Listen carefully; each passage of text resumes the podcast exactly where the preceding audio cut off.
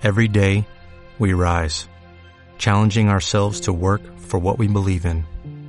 At U.S. Border Patrol, protecting our borders is more than a job, it's a calling.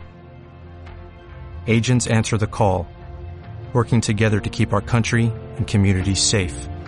If you're ready for a new mission, join U.S. Border Patrol and go beyond.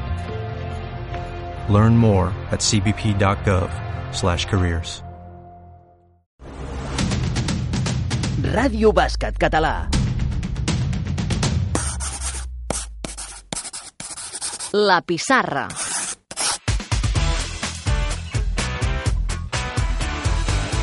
Fabián Tellez, tècnic dels Nats femenins Sant Adrià, de Lliga Femenina. Defensivamente, me gusta que existe mucha actividad detrás de todos los jugadores. Nosotros utilizamos siempre un símil, que es el del interruptor, que lo que queremos significar es que cualquier jugador a nivel de toma de decisión individual, cuando aprieta ese interruptor, todo el mundo se activa.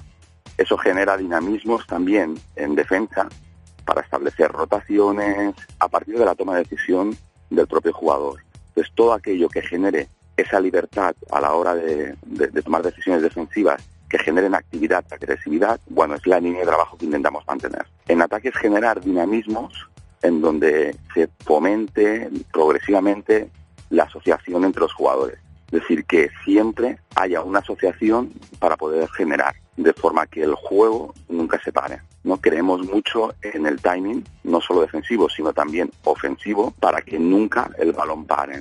La idea de que el balón ha de volar, de que se utiliza el bote únicamente cuando es necesario, de forma que siempre tengamos la iniciativa para atacar los espacios. Independientemente de la categoría, la idea sería la misma. Es decir, no hay tanta diferencia en función de la categoría, sí en el grado de complejidad de ese dinamismo o de esa actividad, evidentemente, pero no como filosofía.